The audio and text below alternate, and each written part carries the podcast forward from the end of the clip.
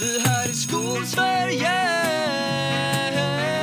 Podden som handlar om den svenska skolan. Med Karin Berg och Jakob Mölstam.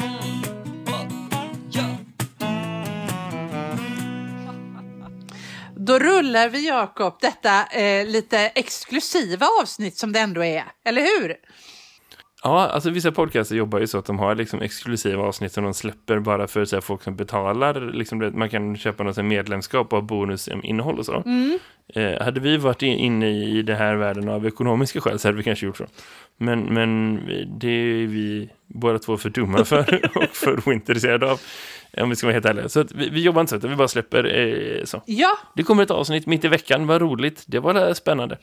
Eh, och det finns en bra förklaring till eh, det. Eh, så, så blev det så att vi fick möjligheten att ta ett samtal med en superintressant eh, professor. ja, och vi har alltså pratat om, för några avsnitt sedan så eh, började du och jag titta på en rapport som eh, handlar om pandemins påverkan på skolan globalt sett. Som eh, Unesco har tagit fram. Och eh, mannen bakom den här rapporten eh, hette Martin Gustafsson och det gjorde oss lite nyfikna. är han svensk? Kan man få prata med honom? Precis, precis. Skriven av professor Martin Gustafsson vid Stellenbosch University.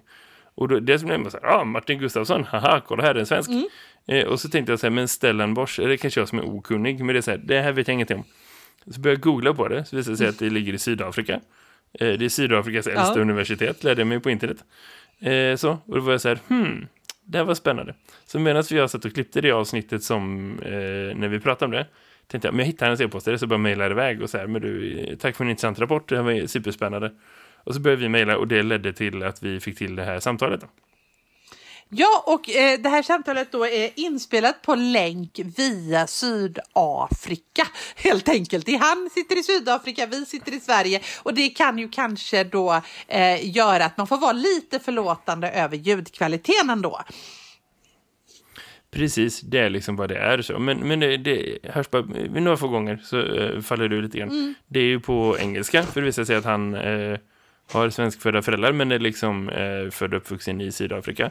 Eh, lite bakgrund om den här eh, professor Gustafsson då, innan vi kommer in på liksom själva samtalet.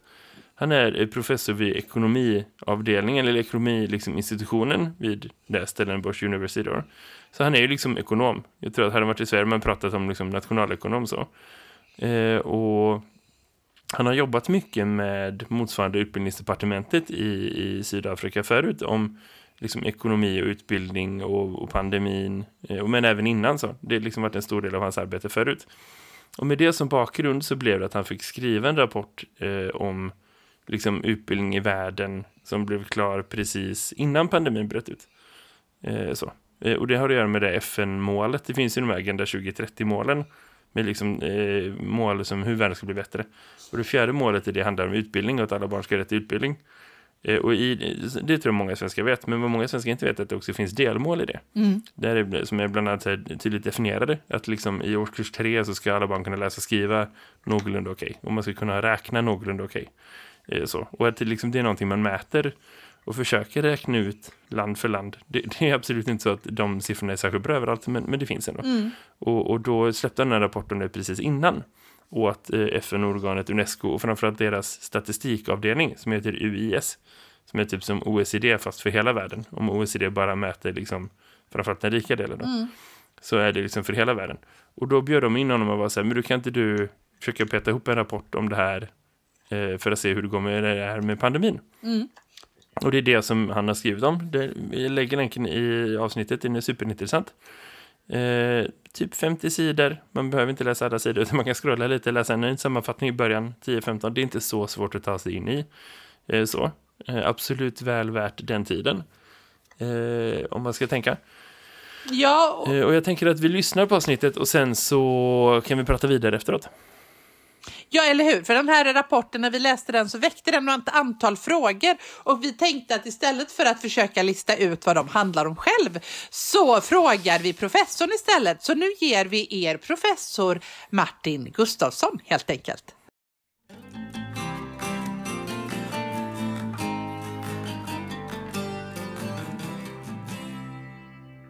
First of all, welcome to uh, the podcast. Uh, so let's talk about this uh, report that you wrote. I guess that it's been a lot of uh, commotion and discussions on this topic the last couple of days and weeks for you. Uh, yes, they they have. Um, in fact, I mean, more than half of my work as as an education economist and as, as an education planner here in, in South Africa, more than half mm-hmm. of my time has been absorbed by issues relating to the to the pandemic. So this is yeah. this is part this is part of that. Um, and uh, so this this report that that that is now that was published last week is um, in a way it's an extension of an earlier report I did for UNESCO Institute for Statistics just before the pandemic, mm-hmm. and that earlier report focused on the, the, the, future of, uh, of learning proficiency in schools. And, and mm-hmm. this is, of course, related to the United Nations Sustainable Development Goals. And we have this goal that we want all children to read proficiently by 2030. Mm-hmm. Unfortunately, mm-hmm. the, that, that original report mm-hmm. indicates that uh, you know we would, we would be lucky if we if we even reach 70% of children by 2030 and that was uh, before uh, the pandemic. Yeah. This was not before the pandemic. Mm-hmm. Yeah. And uh, I mean, I think part of the problem is that you know when these these sustainable development goals are set, they're they're quite idealistic, and mm-hmm. uh, you know. But then if you compare, you know, how, how does how do schooling systems actually work? Nobody improves as quickly as we want. Uh, you know, schooling systems to improve. I mean, you would yeah. be familiar with that as a teacher. I mean, governments often have very, very idealistic goals. Mm-hmm. So that was the, the initial report. And then came the pandemic. And, and so UNESCO Institute for Statistics asked me to do an update, but mm-hmm. taking into account the pandemic. Mm-hmm. And uh, that, that was not easy. I mean, we've never experienced anything like this pandemic before. Mm-hmm. Um, and uh, it was difficult to get data and evidence. Above all, it's uh, difficult to get evidence on a very important relationship, and that is mm-hmm. the relationship between contact time lost and learning lost. Mm, We're starting yeah. to get a better picture now. So the, the, the report that came out last week mm-hmm. assumes a ratio of one is to two. So mm-hmm. it means that if you lose one month of contact time, you, you're actually losing two months of learning. Mm. Now, oh. some yeah, people might say, sense, but how is that possible? Yeah. Really well, it might make sense to you as a teacher, yeah, but I think for a lot of people that that that sounds a bit strange, and one then has to explain, you know, that this this mm-hmm. is this is related to the psychology of children and forgetting, and you know, the just the the mental and and and and and social. You lose what you had even before mm-hmm. the, the, the interruption. And we have evidence of the evidence from the past in relation to this. I don't know if there's evidence from Sweden, but um, from a few, especially developed countries, we have evidence of how much learning is lost during school holidays. Mm-hmm. And this is, in the past, this has been part of this debate around are school holidays too long? Do children forget too yeah. much? And so on. So we've used that evidence and some other evidence to arrive this ratio of one is to two, all right? It's mm-hmm. uh, for the world. Okay? And of course, the world is mainly developing countries. We don't have good data on, on, on, on, on these countries a lot of the time. So um, the data kind of basis is still quite weak, but it's getting stronger. So, um, for example, in South Africa, where I'm where I'm working, uh, we now have uh, evidence that actually we are close to a one is to two ratio in South Africa. We, mm-hmm. we, we had uh, about 60% of the 2020 uh, school year mm-hmm. was lost, mm-hmm. um, which is not as bad as many other countries. Yeah, so 60% of the year were lost in South Africa.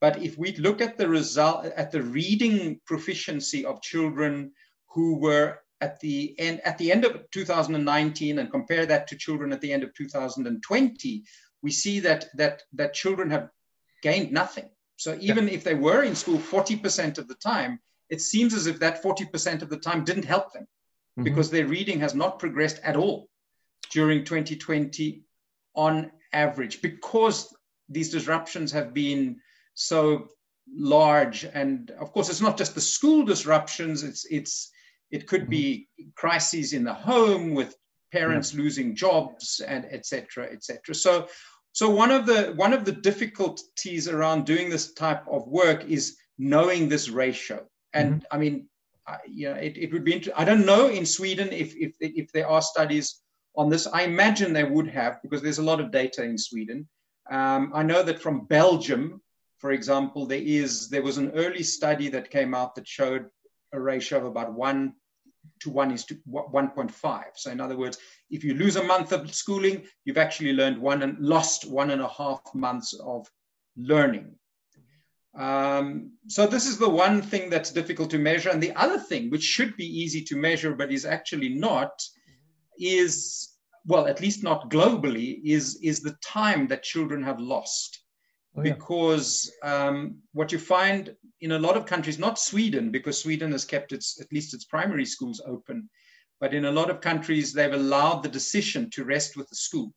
Mm. So schools can decide, for example, if they want children to come every second day or every mm. third day or you know three day, three out of every five days, and some of that information is is is, is not known at at a national level. Yeah. Yeah. Yeah, we have the situation right now with our uh, secondary education. It's a very much like it, it, varies a lot from region to region and from school to school. So I imagine that would be hard from a, a statistics point of view and from a research point of view. And I also imagine like with all the countries and all the ministries of education trying to combat the effects, it might be hard to study and understand. But you've reached a lot of interesting numbers, a couple of interesting numbers in this report that I would like to ask you about because I understand some of it, but I don't really understand like how do you know this? For example, you, you, yeah. you say the number of how many kids in grade uh, three who were falling below uh, reading proficiency levels. I think it was like 14 million or something like that. How do you know that? How how is that studied? Is it okay, the, very good question, and I'm I'm glad you're asking that question because you know some, some people see these statistics and they think that you know everyone is measuring this you know the mm-hmm. data is all there and it's actually not all there mm-hmm. so um, and and this is a challenge that that existed already before the pandemic so um, you know you have the united nations setting these mm-hmm. uh, sustainable development goals one of the goals is that all children must be able to read at a minimum level mm-hmm. at particular levels of, of the schooling system and uh, of course, that means you need to define what you mean by minimum level. So there's been a lot of meetings and people and academics and policy meetings around how one defines this. And generally, what Pearl in PIRLS and TIMSS is considered, you know, the, the minimum. Mm-hmm. Um, but and for a country like Sweden, I imagine that you know there's probably not more than 10% of children who fall under that minimum. Mm-hmm. But if you come to developing countries, for example, South Africa or Brazil, you will find that uh, most children are below the benchmark. So, you know, on your question, how do we know these things? Well, we, we the, the, there's a complicated process of, of taking the, the data that we have. A lot of that data is from international testing systems, so TIMSS, PIRLS, and PISA. Mm-hmm. But then also from some regional systems, there's a Latin American one and there's an African one. Um, and we then use the statistics from that. We try and, and, and standardize those data sets against each other mm-hmm. and, and arrive at global estimates. Of course, there are many, there are many countries which, which have almost no data at all. Mm-hmm. And there, what that's where, in a way, the, the, magic, or some would call it the witchcraft, comes in. uh, you, uh, you then use other variables from the country, levels of poverty, uh, etc., women empowerment, and, and then estimate on the basis of that, you know, what, you know, what, per, what percentage of children in Mauritania, for example, are mm-hmm. below the, the, the, that minimum level. So there's a lot of estimating and imputation uh, going on. Yeah. But I think, yeah, I, there's also a lot of emphasis on improving these systems, not not not so much because uh, you know UNESCO needs to know this, but because Mauritania needs to know this. You know, Yeah. um, Honduras needs to know this uh, Mm-hmm. for their own planning purposes. I mean, in, in obviously in, in in the European Union, all countries have very good systems Yeah. for this, but uh, one must remember that there are also many countries with quite weak systems. Even large countries like India uh, Mm-hmm. have very very little idea whether children are getting better or worse Mhm. at reading, or whether it's just staying the same. Yeah, so I understand that there's a lot of projections, and I read somewhere in this report that uh, roughly 20 years of pro- progress were was like erased from the last year of pandemic. Was it? in- I think it was in regard to proficiency in, in grade three and reading. How would like how do you go around? How how how should the world go about fixing that? this is my question as a teacher, and maybe you don't uh, have the answer as a researcher. How, but how do we fix that? I want to know how do we fix it? uh, it, it's it's a it's a scary statistic. I I I I, I didn't really like that that that particular statistics. It's correct, but it's a little bit sensationalist because yeah, it's not as because it almost suggests it's going to take 20 years to fix this and it's not going to take 20 years to fix this it's just that in one year we've had an ex- it, it, we had a cliff basically Yeah.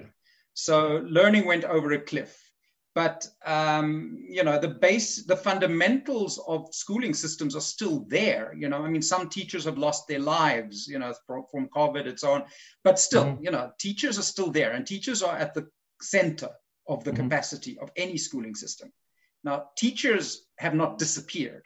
Teachers have not forgotten. You hope. Um, so, uh, so, so it should be relatively easy to relatively easy to to to recover, but at the same time, so so the the report talks about you know recovery lasting perhaps as much as 10 years, but if we are very good at the acceleration, maybe five years. Um, so I, you know, I, I, don't think one must over, you know, be, be very alarmist Mhm. about this.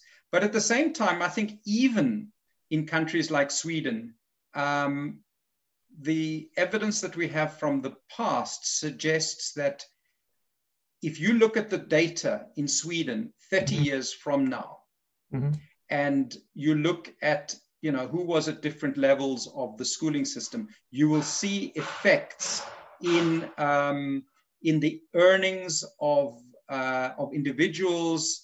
Uh, you will see effects in terms of their post-school qualifications.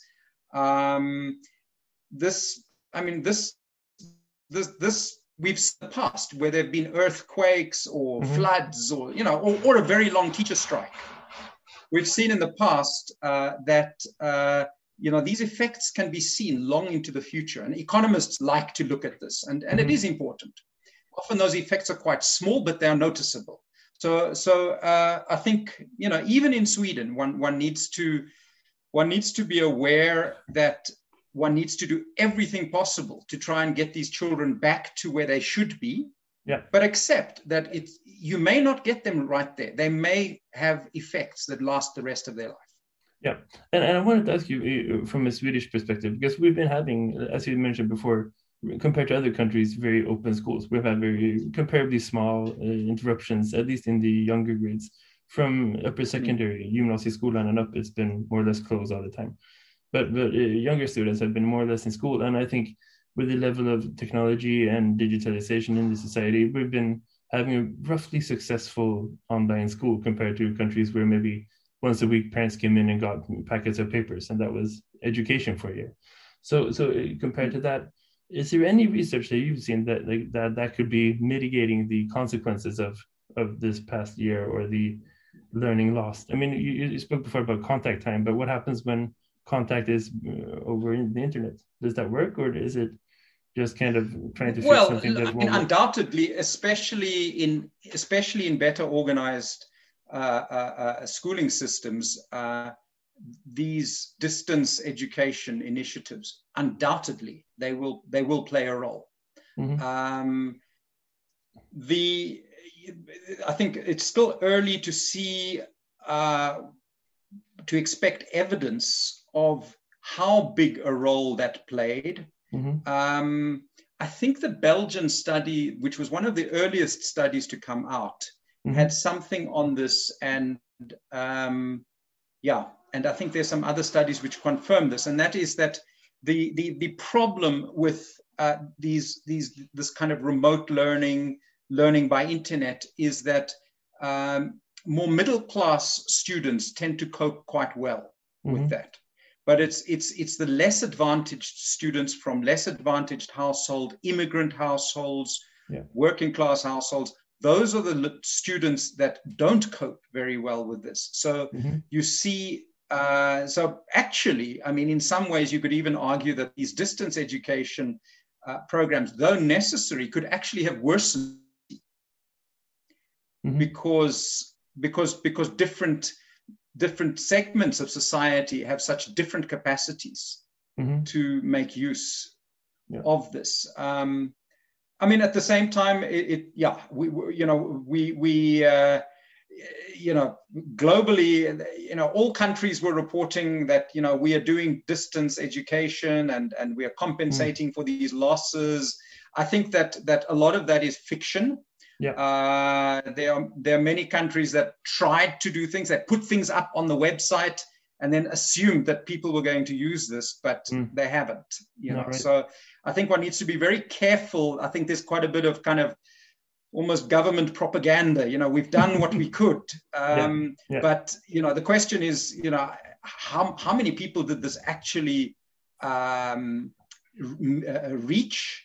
and how what was the quality of the materials because even in sweden mm-hmm. uh, there would there was no expectation that the pandemic was going to happen so there was there were no really good and tested packages that could be used that you could take off the shelf and then suddenly use i mean i'm sure even in sweden there was experimentation and guessing around what is effective and, and, and, and what is not a lot of it, of course. You mentioned before, and it's mentioned all uh, through this report about accelerated learning and the prognosis of what will the future look like and how long time will it get uh, take to get back on track.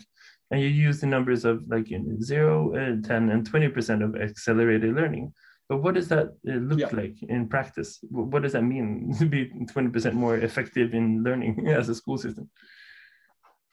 Well, good question. Um, and it comes back to this idea of you know the the the, the percentage of learning that you've lost in terms mm-hmm. of a mm-hmm. year of learning you know so i mean the obvious like point of departure is if at the beginning of the year you could only read you know at level x and at the end of the year you could only read at level x still you've had mm-hmm. zero kind of educational gain all right yep. and then under normal circumstances you know, in a Swedish school, on average, children will, will gain a certain amount of learning. Okay? Mm-hmm. Um, now, the, so when you say 20% acceleration, it's like saying, well, we need we need that gain, but 20% more.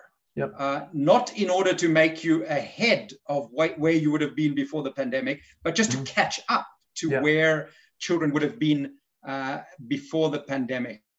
Um, and specifically, yeah. what do schools and school system needs to do to be able to deliver that? I mean, how, how do we become 20% more effective?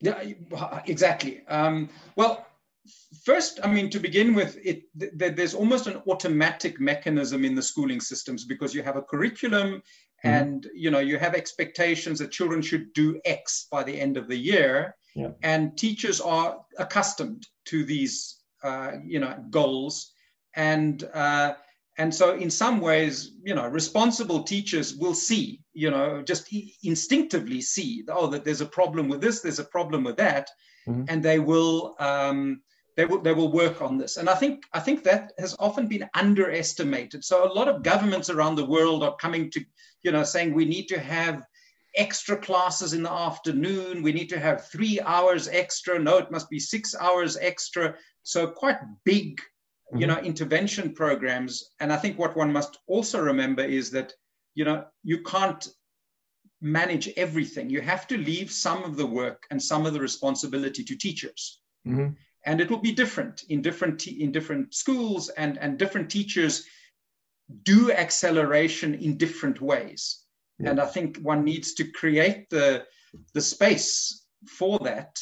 Um, but yeah, uh, they, I mean, in developing countries, uh, you know, they, they, they are there are a lot of kind of interesting ideas from before the pandemic that have now become very fashionable. Mm-hmm. Uh, for example, uh, India has this um, program where they take children out of the school into extra classes mm-hmm. and instead of you, you, dividing them up by grade we'll divide them up by ability so you mm-hmm. will have grades two three and four children mixed but they have the same ability and i mean what's interesting about that is that it, it breaks through the, the, the issue of grade you know i mean schooling yeah. systems are very structured and you know you have grades two three four and we very seldom mix mm-hmm. those grades but sometimes like now perhaps there are good reasons to take to do kind of support work for children with similar problems across different grades yeah yeah. The question that I wanted to ask you is about the time frame because it, when, when I read this report, what I realized for the first time is that this is going to take some time to to kind of manage, no matter if it's zero percent or ten percent or twenty percent accelerated learning. And I feel that sometimes, as a teacher, I'm, we're very much like it has happened right now, and uh, politicians right now are very generous when it comes to uh, assigning extra funds or taking away uh, extra tasks that might not be connected to the core object of education or rather like other stuff. Uh, like a lot of meetings are being canceled and stuff like that. But what about the long term? Like, how long time should schools be prepared to consider that we still have to focus on post pandemic kind of uh, interventions? Yeah. Like, how long time will that be? Well, I, I mean, I you, you, you, you, these are these, this is an important point. Uh, the, the, the, argument I would make is that one needs to balance mm-hmm. kind of the business as usual stuff with dealing with the pandemic because it's not mm-hmm. you know the world existed before the pandemic as well and i think that some of the my fear is that there's going to be so much emphasis on kind of fixing things in relation to the pandemic that we forget about good things that we started before the pandemic we need to do both we need to have a good balance so for example if there were good uh, programs to develop the capacity and skills of teachers, all right? Um, though, and that, that existed before the pandemic, that should continue. You know, what, what you don't want is a situation where a government says, oh, no, no, everything is the pandemic now. So that's old, you know, it may be old, but, but it still will help us in the current uh, situation. So I think it is a, it's, it's, a, it's important to balance, uh, you know, our reactions to the pandemic with kind of things that we were doing right in yeah, any case. yeah, I can give an example about why I thought about this question because I was reading a conversation the other day between a couple of headmasters, and they were talking about if it made more sense to to invest extra resources and time and energy on on students who are about to graduate, or if it's more it makes more sense to focus on younger students because losing a year of year nine or year 10 or 11 compared to year one or two like what is the best or the worst and, and what are the consequences and I see a point in reasoning for both. So that is a little bit why I was thinking of of this in, in comparison to the pandemic and the effects. Uh, what are your thoughts on that? well, I mean, my thoughts and, and the thoughts of many people are that that we we absolutely need to prioritize fundamental skills. I, I, mean, the curriculum, there's a whole debate around whether the curricula of schools are too crowded with, you know, too much content. Um, many teachers make that point. Mm-hmm. And I think now is a time to accept that, yeah, look, some things, it's not a disaster if, you know, you as a science student don't learn this particular experiment, you know, because you will learn other experiments and you can learn that the, the missing experiment later in life if you need it. Yeah. Um, but in terms of, of, of, you know, the fundamental skills, you know, children who are, who lose out on reading and basic numeracy mm-hmm. in the initial grades of school are going to suffer very badly their whole lives.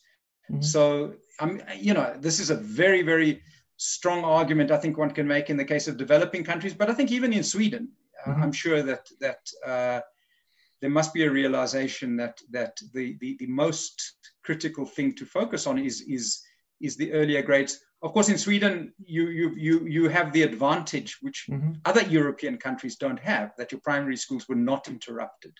No, oh, yeah. Um, yeah. But I'm, I'm absolutely certain, uh, working in the primary school, uh, that there will be needs to to invest and take care of the, the pandemic effects uh, on learning as well. Because yeah. even if kids have been coming to school, nobody's had a normal year nobody's been functioning at optimal performance the past year it's the same for adults okay. and for kids so i think that that is mm. but i realized that, that it's harder to study i was listening to the ministerial meeting of unesco on this topic the other day and they were talking about uh, uh finances and economics and uh, they had studied i think was 54 or something like that countries and, and all the uh, extra money being um, portioned out right now in, to combat uh, the pandemic. And they found that it was something like $14 trillion, I think it was, combined in, in comparable countries, and less than 2% was invested in education. Uh, and I realized that in, in the beginning of the pandemic, maybe the educational system is not the most important area.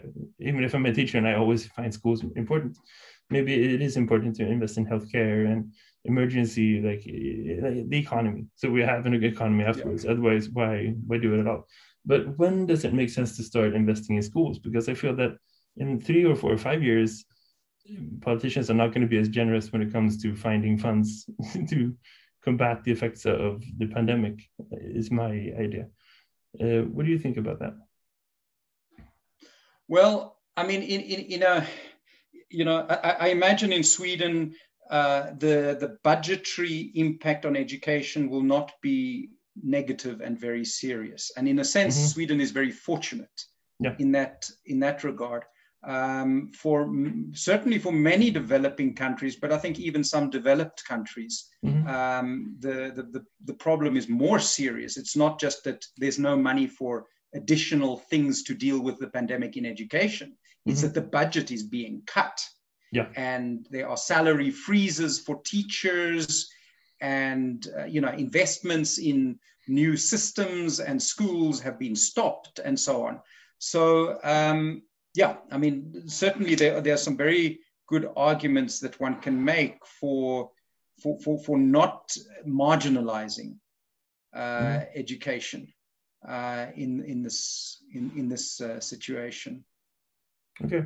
If anyone listening to this would be more interested and want to know, know more, uh, what would you recommend them to uh, search for or read or study up on to kind of expand their understanding of of this issue?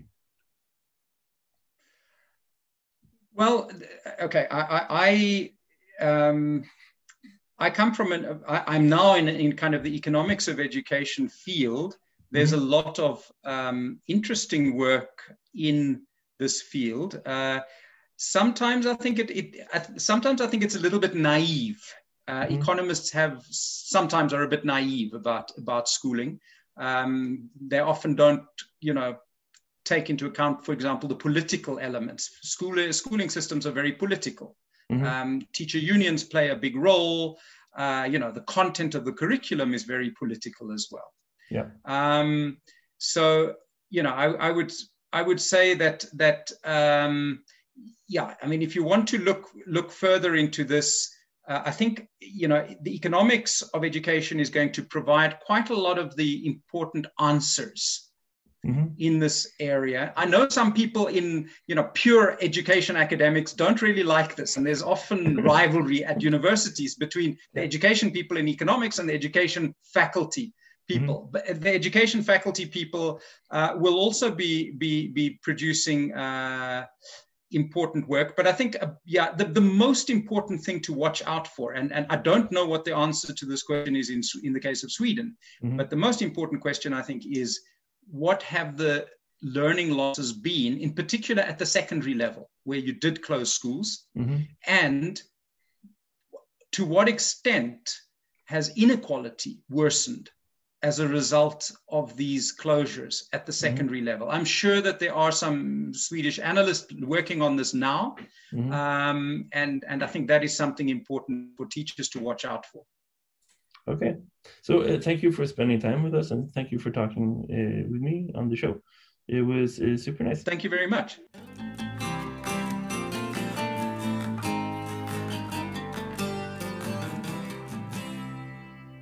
Karin, vad är det du fastnar för i det här samtalet då? Om Ja. du tänker så här, vad är det du liksom tar med dig från att ha lyssnat på den här diskussionen? Alltså, det första som, alltså jag tycker det är mycket som är intressant med, med det här samtalet och det globala perspektivet, men om vi ska dra det till, till det som vi, vi står inför i Sverige och när vi har pratat om stängda och öppna skolor och att mm, liksom vi ändå någonstans har stått för att ha öppna skolor. Eh, Eh, så, så är det som någonting som egentligen inte, jag har ju hört det här att man har diskuterat stängda, stäng, att liksom sommarlovet inte ska vara så långt. Men jag har inte tänkt på att det fanns en faktor, det här, den här att en stängd skola eh, i en månad betyder två månader förlorad, eh, f- ja, förlorad inlärning eh, eller förlorat lärande. Eh, det var ju en ganska otäck siffra måste jag säga. Liksom att om, om vi då har en, en månad sommarlov betyder det att de förlorar liksom ett antal, nej, fast då skulle väl skolan i och för sig vara stängd, men ändå att man glömmer så mycket och att det spelar roll. Det tycker jag är en, en väldigt eh, en väldigt intressant siffra.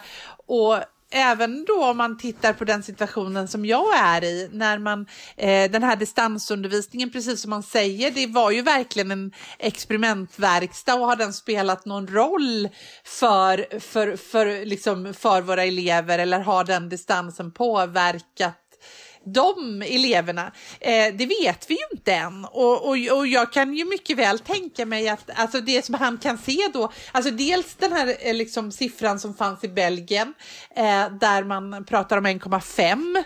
Eh, och det hade, de kan man ju tänka sig hade någon slags distansundervisning ändå. Ehm, och just också det som, jag, som, som vi verkligen kan bekräfta, jag kan bekräfta honom i, för det ser vi, ju vi väldigt tydligt i de undersökningar som har gjort i Göteborgs stad och eh, som man har sett runt om i Sverige också, det här att, att det är de, eh, alltså de som, som har det svårt i vanliga fall, alltså de socioekonomiskt ekonomiskt utsatta, att det är de också som drabbas av eh, när skolan är stängd på grund av att de inte kan ta till sig distansundervisning på lika bra sätt. Att de, eh, och att det gör att det, det, kommer att påverka dem mycket mer. Och det gör ju, precis som han säger, att sko, äh, klyftorna i skolan ökar. Ja, men, ja, Eller men hur? precis. Och och det där det är så... Alltså det, det finns så mycket i det här som är så här, det är globalt, så finns det så mycket som är svenskt och mycket av det hänger ihop och mycket av det är annorlunda. Om man ser till att liksom det finns 1,6 miljarder barn i skolålder i världen och att 91% av dem upplevde någon sorts eh, avbrott i sin undervisning under eh, 2020 liksom så. Eh, Det var ändå liksom innan vi började stänga högstadieskolor så i Sverige, mer än liksom vid enstaka utbrott så. Så det, vi har ändå varit väldigt, väldigt liksom annorlunda. Vi tillhör de här sista 9 procenten som liksom inte riktigt finns med i, i liksom hur hela världen har förstått den här pandemin ändå. För vi har varit undantaget, men såklart på ett positivt sätt om man jämför. Men liksom om man räknar då på att barn har förlorat i snitt 54 procent av ett år i, i liksom kontakttid med sin lärare. Om man räknar, då tror jag de har räknat bort distansen som, som kontakt, för man har inte samma kontakt på det sättet. Att det är meningsfullt att det kanske förklarar varför folk lär sig sämre. På, liksom en av flera förklaringar till varför folk lär sig sämre under distansundervisning jämfört med liksom att vara på plats. Om vi jämför med hela populationen. Visst, det finns enskilda elever, men liksom hela populationen. Så är det nog ingen skräll om vi skulle göra nationella proven nu att det skulle gå sämre för de flesta liksom än vad det hade gjort annars. Om man kollar på huvudmannanivå, skolnivå, land, nationell nivå så. Eh, och det kanske är rimligt liksom så. Och, och, och jag tror att det vi, vad vi behöver göra naturligtvis är att förstå det här utifrån ett svenskt perspektiv. För här har de inte förlorat 54% av ett år. Och liksom lägger man till den här glömmarfaktorn som man pratar om ett förlorat år. Kan man liksom visa i hårda data i genomsnitt i världen. Så, så är det liksom inte riktigt kanske så illa i Sverige. Men det kan fortfarande vara så att vi har förlorat ganska mycket. Eh, så. Och att förstå precis hur mycket det är. Är en super, super viktig eh, liksom utmaning som vi har framför oss. Eh, så. Och att i det, det kräver att vi också speciellt beforskar liksom, hur det varit på gymnasiet i, med liksom de här olika snabba kasten fram och tillbaka och att liksom så. Och hur det var det för de som gick färdigt sin gymnasieutbildning, hur är det för de som har börjat på gymnasiet och liksom vad är det för behov som finns där. Hur har det varit på, på högstadiet där man, om vi ska tänka nationellt i Sverige, har ändå varit, känns det som typ 50-50 till och från på och av under vårterminen hittills och det ser ut att bli så under resten av terminen ut också liksom, i olika konstellationer. Men också så här, hur, hur har det varit för de som har varit fysiskt på plats hela tiden. Men som för att man är precis som alla andra människor inte har fungerat perfekt. Man har inte liksom lärt sig så mycket som man har kunnat göra. För man har haft för, fler lärare som var borta, fler elever som varit hemma, du vet liksom planeringar, liksom upp, bara allmän mående, liksom mental hälsa som har varit det senaste året hos alla människor. Som ändå gör någonstans att jag tror att vi kommer att se lägre mm. resultat rakt över. Och att gå från att gissa till att veta, det kräver eh, att vi ändå håller lite koll på de här frågorna. Jo, men eh, eller hur? Bara det att ett litet barn eller ett, eh, alltså som går i årskurs ett eh, är hemma i karantän i tre veckor och även om den får uppgifter med sig hem och så vidare så betyder ju det ändå att är det tre veckor så är det fem veckors förlorad skola om vi ska gå på Belgiens siffror. Och, och just det här att man kan se på skolresultat om det är oro i samhället mm. och att om vi inte gör något vettigt åt det här och tar reda på vad det är faktiskt faktiskt som våra unga människor har förlorat så riskerar det här att påverka eh, de, denna generationen resten av livet eh, och det kan vi se hårda data på.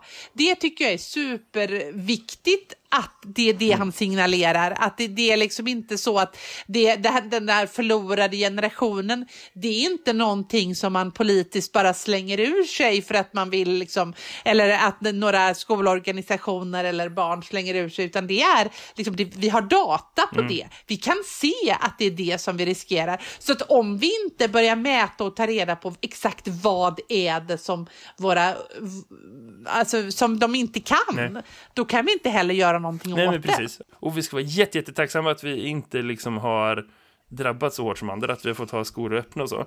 Men ingen eh, makthavare ska få säga att vi inte behöver åtgärda, att vi inte behöver kartlägga, att vi inte behöver fixa, att vi inte behöver jobba med de här frågorna för att vi inte har haft lika illa som de andra. Det är liksom regel nummer ett här. Att vi får inte ha den här diskussionen om att säga, ja, men vi har gjort bra, vi har haft tur, vi behöver inte oroa oss. Inte för att jag tror att vår utbildningsminister skulle prata så, men det finns liksom det kommer garanterat finnas en, en ovilja att liksom jobba med de här frågorna över den tiden som behövs. Och där måste vi vara så här, nej, det är fel. Ja. Ja, men eller hur? Och jag kan hoppas faktiskt, för jag är lite glad ändå i det här perspektivet och jag kan liksom lite mer förstå utifrån det här perspektivet att man faktiskt genomförde eh, nationella proven i årskurs tre. Det har man ju faktiskt gjort eh, jämfört med, eh, så att men vi har ändå koll på de basala eh, kunskaperna någonstans och vad, var det brister, eh, eller hur? Men jag, jag tänker, ja det är jättebra att man, mm. man gör det. Och jag tänker också att med nationella bedömningsstöden mm. som vi har eh, sen ett par år tillbaka som inte är nationella mm. proven utan de är liksom som man jobbar med i, i redan från årskurs ett liksom mm. för att kartlägga och identifiera och så. Och att vi har blivit bättre eh, mm. faktiskt som skolsystem de senaste fem sex åren på att liksom identifiera elever som behöver stöd eh, och att sätta in det stödet tidigt. Det tror jag vi ska vara väldigt tacksamma för och vi behöver fortsätta med det i ännu större utsträckning. Jag tror så här, vi har en ganska infekterad debatt om liksom hur vi bedömer och betygsätter och liksom mäter kunskap i svensk skola som har alla möjliga olika argument för och emot.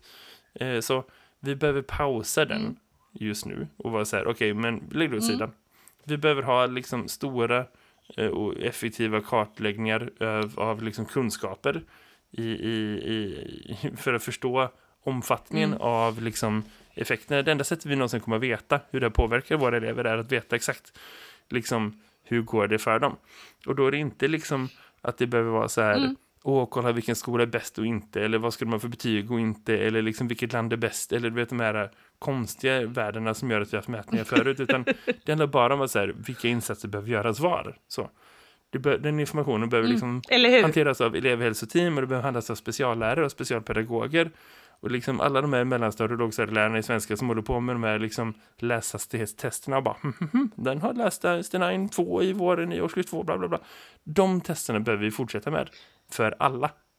För att förstå Ja. precis vart allihopa ligger till. Ja. Där behöver vi bli eh, mycket, mycket bättre på det. Eh, och sen tror jag att det som han pratar om i den här intervjun och som, som jag eh, ändå tar med mig är så här insatserna som kommer behövas efteråt. För det vet vi att det, liksom, det räcker inte med att mäta saker utan vi behöver också göra mer insatser. Och där vet vi redan hur saker funkar. Det fanns en skola innan pandemin sedan och det är så här, ja det är sant. Och vi visste hur vi tog hand om elever som inte läste tillräckligt bra. Eller som inte liksom hängde med i kunskaper, mm. tillräckligt med baskunskaperna förut. Och det är det som vi ska liksom fortsätta förädla och förfina, men det är det vi behöver jobba med. Så. Och i det så tror jag att liksom, där behöver vi inte vara så himla oroliga för att säga vad är det vi behöver göra, utan insatserna liksom, vet vi vad som behövs. Det som, det som kommer att vara en grej är eh, resurser. För att det vet vi redan nu att så här, väntetiden från det att en lärare upptäcker att den här, eleverna behöver stöd till dess att stöd sätts in är alldeles för långa. Eh, så. För att liksom, det finns inte tid i, i, i systemet, det finns inte lyft i systemet och det behöver inte, ska man vara rent krass, det ska ju inte finnas massa, massa extra luft. Vi ska inte ha massa lärare som bara går runt och säger, ho, ho, ho, vad ska jag hitta på? Men vi behöver ta höjd för att det här kommer att ta tid att fixa och det är liksom, det är mer lärartid. Mer egen tid med sin lärare, mer kvalitativ tid med sin lärare. Det är det de här eleverna behöver. Så. Vi behöver inte hålla på och liksom lalla Ja. runt med massa extra reformer. Sen nu ska vi ha, jag läste ett pressmeddelande från Skolverket för ett tag sedan, typ förra veckan, som var så här, vi ska ta bort elevens val så ska vi ha mer timmar i NO och SO. Mm, okej, eh, säkert. Tumme upp på det, jättefint. Men liksom, det är också så här, bara ge dem mer tid med sina NO-lärare och SO-lärare. Ge dem liksom, jag vet inte någon skola i världen som har så här stödinsats. Han ska ha stöd i undervisning i NO. Det finns ingen som har. För man har inte tid med det, utan det är så här, fokusera på baskunskaper så, blir, så får resten läsa sig. Så. Eh, och det där, det, liksom, det är sådana grejer vi behöver komma till rätta med. Vi behöver, det, det är där som jag tror vi kan hämta hem de här, Ja. liksom, eh, det, är så roligt om man läser den här rapporten, för de har liksom prognoser, så här, så här kommer det gå om det är 10% eller 0% eller 20% liksom accelererat lärande. Och jag får ju lite panik först när man tänker så här, vem är det som är ansvarig för de här 20 procenten accelererat lärande som någon människa tänker att vi ska hålla på med? För lärare kan inte springa 20 procent snabbare. Det, liksom, det, det, det, är fysiskt mot någon sorts grundlag någonstans, eller naturlag någonstans. Det kommer liksom inte hända, utan vi behöver liksom sätta Ja. på bättre undervisningsstrategier. Strategier för att identifiera och liksom, eh, komma till rätta med och liksom stötta upp så. Och att det, kommer att ta tid, det är nästa grej att prata om. Att det kommer att ta lång, lång, lång tid.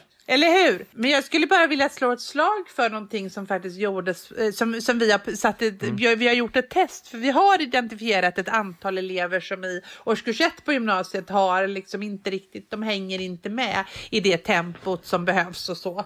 Eh, och vi har ide- identifierat dem och det handlar inte om, du vet, ett antal, det, det är inte specialpedagogiska lösningar utan det handlar om brist på undervisning helt enkelt. De behöver mer undervisning. Ja.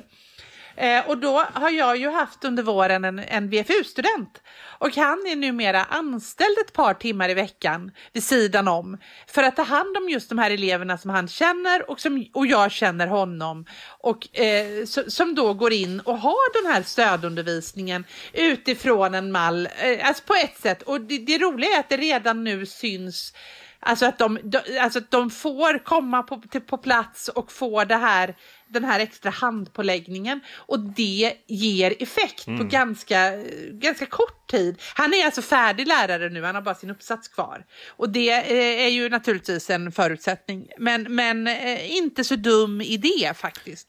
Eh, som vi funderar på om vi ska liksom fortsätta med utifrån att våra tjänster är så packade och det är lärar, lärarbrist och så. Men jag tror verkligen att det är en idé. För att det där är liksom... Eh, vi måste hitta så systematiska strategiska lösningar. Det finns egentligen två saker på det. Dels liksom vi måste hitta nya alternativ. Och jag tror så här att liksom, ser vi det på en nationell nivå så är det så här, en lärarutbildning är typ fyra, fem år. Så. Den andra halvan av den utbildningen så är du ändå mer professionell än vad du är amatör. Om vi ska vara bara så här, eh, bara så. Att de studenterna jobbar extra för att få ihop sin, liksom, eh, si- sitt liv som eh, liksom eh, att de jobbar extra i, som på ICA, att de jobbar extra liksom, med så okvalificerade uppgifter det är ju ett nationellt slöseri Mm. när vi inte har så många lärare som vi Eller behöver. hur? Och det, jag ser inte att de människorna ska sätta liksom betyg, att de ska vara mentorer, att de ska Nej! vara liksom så, man känner sig, nej, men de behöver nog vara någon erfaren. Men, men det, det här som man tänker, som skulle varit det här prövoåret, eller liksom det här är liksom eh, mentorsåret, eller vad det kallas för, eh, så. Eh, Det skulle man ju kunna börja bygga in tidigare. Att man gick bredvid, att man var en extra person för att vara två i klassrummet, att man liksom var med. Att man fick ha det på en, en systematisk nivå. Och att man såg till att det var, kopplades till sin VFU-plats så att du har liksom en kontakt, du har en handledare, du har en mentor. Att den handledaren får extra betalt för det, för det blir ett extra stort uppdrag. Men att det också är så att man anställer en person som kommer in och hjälper till någon dag i veckan, lite här och var, lite lösare tider. För att liksom boosta upp personer. Det kommer att bli bättre för dem. Det kommer att bli bättre för skolan och det är en relativt billig och smidig lösning. Så dels måste vi kolla på sådana saker, det är skitsmart. Vi måste också kolla på de sakerna som vi i den här omgången av pandemin, om vi tänker att det kommer flera, har satt som så här, valbara liksom, alternativ, eller som så här, stödinsatser för några. Och tänka att så här, det kanske vi behöver fundera på om vi ska göra för alla. En sån grej som, som jag tänker från grundskolan när man liksom inför det här med distansundervisning, det var dels att man börjar prata om så här, okay, men eh, om ni vill komma hit och hämta lunch så gör det om ni känner för det. Eh, Anmäl er här dokumentet minst fyra veckor i förväg. Och så, nej, men så. Du vet, det är kommunal byråkrati. Mm-mm. Alla ska göra Ja, det. Nej, Allihopa kommer dit, se till att de kommer hämta en Alla gång i veckan så att det inte blir värsta köerna, ha värsta systemet. Men liksom se till att alla får mat för att komma åt liksom de sociala eh, liksom, dimensionerna. Det pratar inte jättemycket om i den här eh, intervjun, men liksom den största eh, effekten såklart av att man förlorar ett år av undervisning är att folk har jättemycket farligare, om vi ser i hela världen. Folk har jättemycket farligare uppväxtvillkor, man liksom, folk kommer dö av hunger. Liksom, det finns superbasala grejer. Och så är det ju inte riktigt i Sverige. Eh, inte så mycket, men det finns också. Men liksom att man ändå ser till att så här, folk har det bra. För folkhälsan så är det så här, jo men de ska komma in och äta lunch här istället för att de liksom käkar nudlar i, i ett år. Det är liksom inte okej. Eh, Det är det ena. Och det andra är när vi pratar om så här, lovskola och så. Vi kanske behöver, vi behöver absolut ha pauser från distansundervisning och pandemiskola och så också. Men det kanske är så att så här, när vi i vanliga fall har tänkt så här, men de några få elever, de som kanske så här, snart ska söka till gymnasiet, de kan komma in en vecka på sommaren och hålla på och så. Mm, vi kanske måste tänka att det ska röra sig mer och mer åt en normal undervisning, kanske med hjälp av de här lärarstudenterna, men vet. Vi måste kolla på lite sådana åtgärder också. Eh, och det som jag tror är superviktigt, som han ändå pratar om, är så här, och som vi kanske ska landa i, är att det behöver mer, liksom, mer tid med sin lärare. Eller mer tid med en lärare. Så det är liksom nyckeln till lösningen. Ja. Och att lärarna är bättre förberedda. Att vi fortsätter med så här fortbildningsinsatser. Mattelyftet, läslyftet, att vi fortsätter med liksom sådana grejer. Och att det måste få ta tid. Och att vi måste rusta ihop oss tillsammans. Nu kom det idag, vi spelar in det här den 6 april. Det kom idag eh, liksom information om att säga, ah, men okej, regeringen satsar 7 miljarder till på vården. Jättebra. För det är det som behöver hända just nu. Och, och det kan man se globalt sett att så här, av alla de här pengarna som har satsats, jag tror det var 14 000 miljarder hittills som man har satsat i de länderna som är någorlunda tydliga med vad man gör så är det liksom 2% som satsas på utbildning. Och det kanske ska vara så nu. Men, men i omgång två, eller omgång 14 eller vad som kommer sen, liksom när, när vi inte längre måste så här, köpa in fler ventilatorer, liksom, utan när det är andra saker, så, så kommer utbildning vara en långsiktig liksom, dimension av det här. Och vad vi pratar lite grann om i den intervjun, men som vi inte riktigt kom in på det, är att den här rapporten visar att eh, runt om i hela världen just nu så skär man ner på utbildningsbudgetar. Eh, så. Och, och det finns ju en förklaring till det, att alla de här coronapengarna som måste satsas någonstans ska ju komma någonstans ifrån. Och det är inte som att det automatiskt bara är nya pengar som man hittar någonstans, eller att man liksom ökar statsskulder och så, utan en del är det också att man skär ner på andra grejer. Så då visar det sig att en tredjedel av de rika länderna och två tredjedelar av de fattiga länderna har planerat för nedskärningar 2021 i sina nationella skolbudgetar. Och det är ganska stor, liksom, stort feltänk. För det finns inga pengar att hämta där. Det finns inga, liksom, där, vi kan skära ner på det här, vi kan slippa det här. Och, och ser man längre fram så kommer det snarare vara tvärtom. Att vi behöver, ha, vi behöver tänka att det kan ta tio år av liksom extra dyr skola för att det här ska gå runt överhuvudtaget. Eh, och det måste vi börja, den nationella diskussionen finns inte i Sverige idag och den måste vi börja föra lite mer. Ja, och du behöver ju inte vara världscyniker eh, för att tänka dig att eh, det är den, den ekonomen kommer att finnas som säger och föreslår att inte nog med att, alltså, att barnen skulle få ta smällen för pandemin när pandemin pågick, att man sen inte kommer att satsa eh, pe pengar för att de ska komma ikapp. Man behöver ju inte vara liksom eh, världscyniker för att tro att det faktiskt är ett möjligt scenario. Eh, för att du vinner liksom inte riktigt, eh, du vinner lite politiska poäng på att satsa på företagen just nu, men att säga att vi satsar så här och så här mycket på skolan. Eh, mm. Eh, jag är inte säker på att det behöver bli en politisk fråga och ett politiskt rätt alternativ. Absolut att det behöver vara. Och vi ska inte glida långt för långt bort i, i det här. Vi kan ju fortsätta den här diskussionen i vårt vanliga avsnitt. Men jag tyckte det var så intressant. Du skickade till mig ett intervju, ja. en, eh, länk till det senaste avsnittet av eh, Konflikt i P1. Det är P1 sen Där de ja. pratar om just det med att liksom eh, historiskt när man har diskuterat och reformerat rösträttsålder i, i Sverige och i världen mm. så har det föregåtts av att man har haft politiska diskussioner där man har haft en diskussion om att så här, ja men det här är inte tillräckligt bra. Vi behöver liksom blanda in fler yngre för att göra det bättre. Så, och det har liksom varit retoriken inför varje gång när man har liksom förändrat rösträttsåldern. Och nu står vi inför två frågor, både klimatkrisen mm. och hur tar vi hand om corona-frågor. Liksom, eh, där det uppenbart är så att mm. unga mm. är inte tillräckligt väl representerade i den debatten. Så det är liksom mer diskussioner mm. om så här och jag fick inte åka på charter. Då fick jag sitta på någon karantänhotell i Grekland. Det är liksom fler ah. så här, ah. liksom, mm. Eh, rubriker än ja, men så här, skolan kommer ta lång tid innan vi är okej. Okay. För att unga människor hörs inte den rösten. Precis. Vi ska komma in på det sen. Det var jätteintressant att få diskutera den här intervjun med dig också. Det var jätteintressant att få diskutera den här rapporten med eh, professor Martin Gustafsson. Vi lägger länkar till rapporten, till intervjuer med honom, till liksom Eh, han refererar till den här eh, belgiska studien. Vi lägger alla länkar som finns på skolsverige.com och i den avsnittets beskrivning. Så kan man klicka in där och läsa vidare. Det gör vi. Tack så hemskt mycket för att ni har lyssnat och vi hoppas faktiskt att just det här avsnittet sprider ni i era kanaler så att fler får tillgång till just Martin Gustafssons eh, ord. För det precis, är viktigt. Precis. Exakt så. Eh, våra andra avsnitt, det kan ni göra vad ni vill med. Men det här avsnittet är viktigt på riktigt. Så nu, nu tar ni och sprider det. ha det gött, hej! Ja, ha det så fint. Hej! Vi här i Skolsverige